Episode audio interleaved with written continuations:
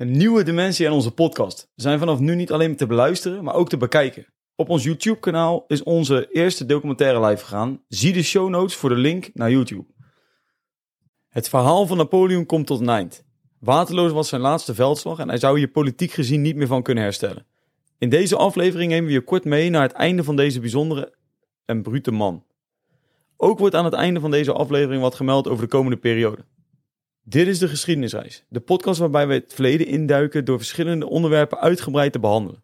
Wij zijn Leander en Thijs. Leander is een geschiedenisenthousiasteling en ik ben een geschiedenisdocent.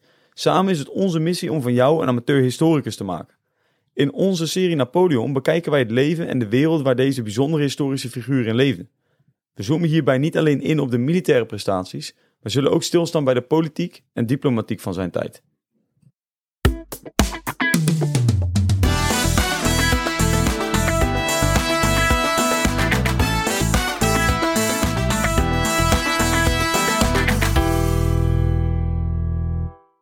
Ik begon het verhaal van Napoleon in de eerste aflevering met eh, zijn herbegrafenis in Parijs. We hebben de afgelopen elf afleveringen hebben het gehad over Napoleon en zijn strijd in Europa, op Europa en Frankrijk. Hoe hij de macht kon pakken en hoe hij uiteindelijk ook weer de macht verloor. In deze korte aflevering zal ik jullie meenemen naar zijn dood op Sint Helena, waar hij alleen, of nou in ieder geval wel bij zijn met een aantal bekenden, maar vergelijken met de rest van zijn leven alleen zou sterven op een soort van troosteloos eiland. En uh, ik ga jullie vertellen hoe dat is gebeurd. Nadat Napoleon was verslagen bij Waterloo, had hij het idee om in de Verenigde Staten te gaan wonen.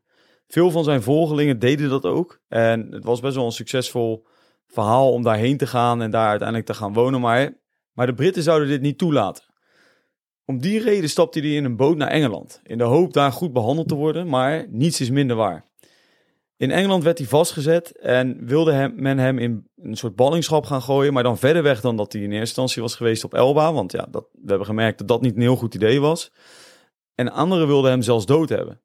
Uh, hij was niet populair en, en ik kan me voorstellen waarom, omdat hij natuurlijk uh, de wereld in uh, 15 jaar lang, nou, misschien wel 20 jaar lang in oorlog had gegooid. En uiteindelijk werd besloten om hem te gaan verbannen naar Sint Helena, een eilandje dat heel ver weg lag in het midden van een oceaan.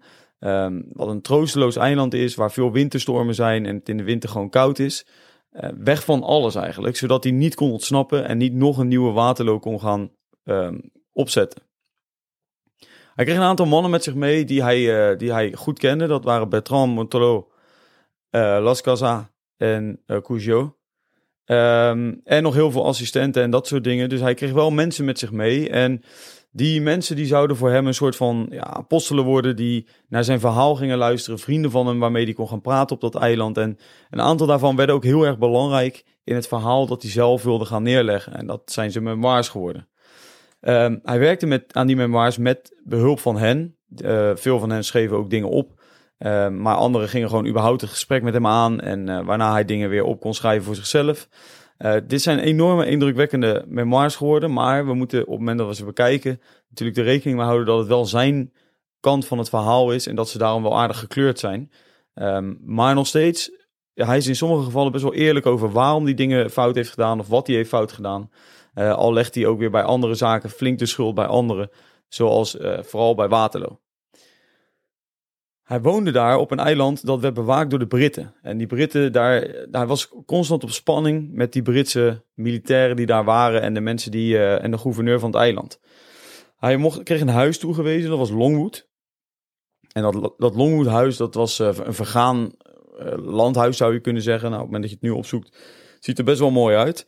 Maar het was voor die tijd best wel een vergaan ding en had veel onderhoud nodig. hij kreeg ook allerlei regels over zich heen, zoals de avondklok. Uh, die hem irriteerde. En uh, hij mocht dus na negen uur s'avonds mocht hij geen bezoek meer hebben. Maar er was verder ook niks te doen in heel die regio, in heel dat kleine gebiedje waar die zat. Uh, waardoor hij eigenlijk iedere avond zich heel erg flink verveelde. Um, hier kwamen flink wat irritaties door voor bij Napoleon. Tot 1817 was hij hoffelijk. Hij kreeg best wel veel bezoek van buitenaf. Mensen die het eiland bezochten en onderweg daar naartoe gingen en dan even bij ja, Napoleon langs gingen.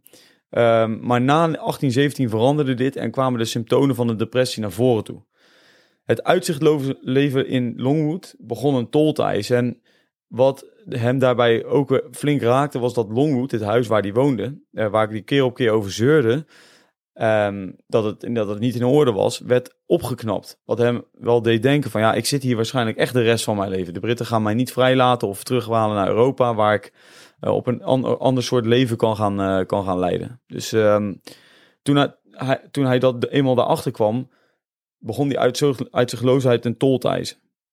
Hij ging steeds meer terugkijken op het verleden en vooral naar de fouten die hij had gemaakt of anderen hadden gemaakt of de verliezen die hij had geleden. En Waterloo werd daarbij het meest herleefd.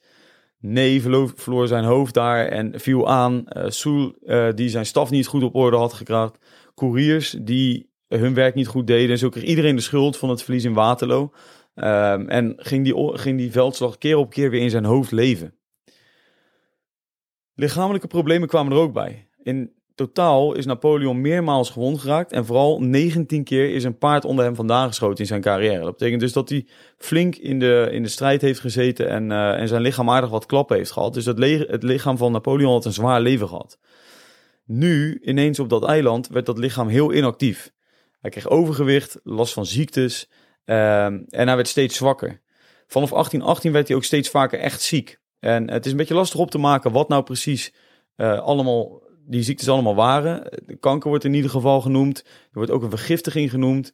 Uh, nou ja, zo zijn er meerdere redenen waarom hij telkens ziek zou worden.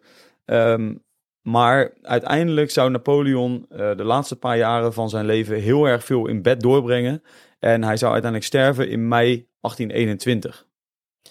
Hij mocht zelf de plek uitkiezen waar hij begraven zou worden. En dat deed hij op het eiland bij een waterput waar die, um, die vlakbij in de buurt van zijn huis lag. Zij heeft zelf die keuze gemaakt, maar hij werd begraven als generaal en niet als staatshoofd. Iets wat hij tot het einde van zijn carrière heeft aangevochten. Um, maar het heeft hij nooit kunnen winnen. Later, zoals jullie in aflevering 1 hebben gehoord, is zijn lichaam dus weer opgegraven en teruggebracht naar Parijs. En uh, zou die daar door ja, nagenoeg heel Parijs ongeveer worden uh, bekeken op het moment dat hij begraven wordt. En kreeg hij dan uiteindelijk toch nog een soort van de begrafenis die hij zelf had gewild. We sluiten hierbij de serie af over Napoleon. En Napoleon die is uh, ja, gestorven. Uh, Lee en ik hebben echt veel plezier gehad in het maken van deze serie. Ook omdat voor Lee Napoleon een best wel onbekend figuur was. En hij uh, helemaal meegenomen werd in het verhaal van deze ja, bijzondere man.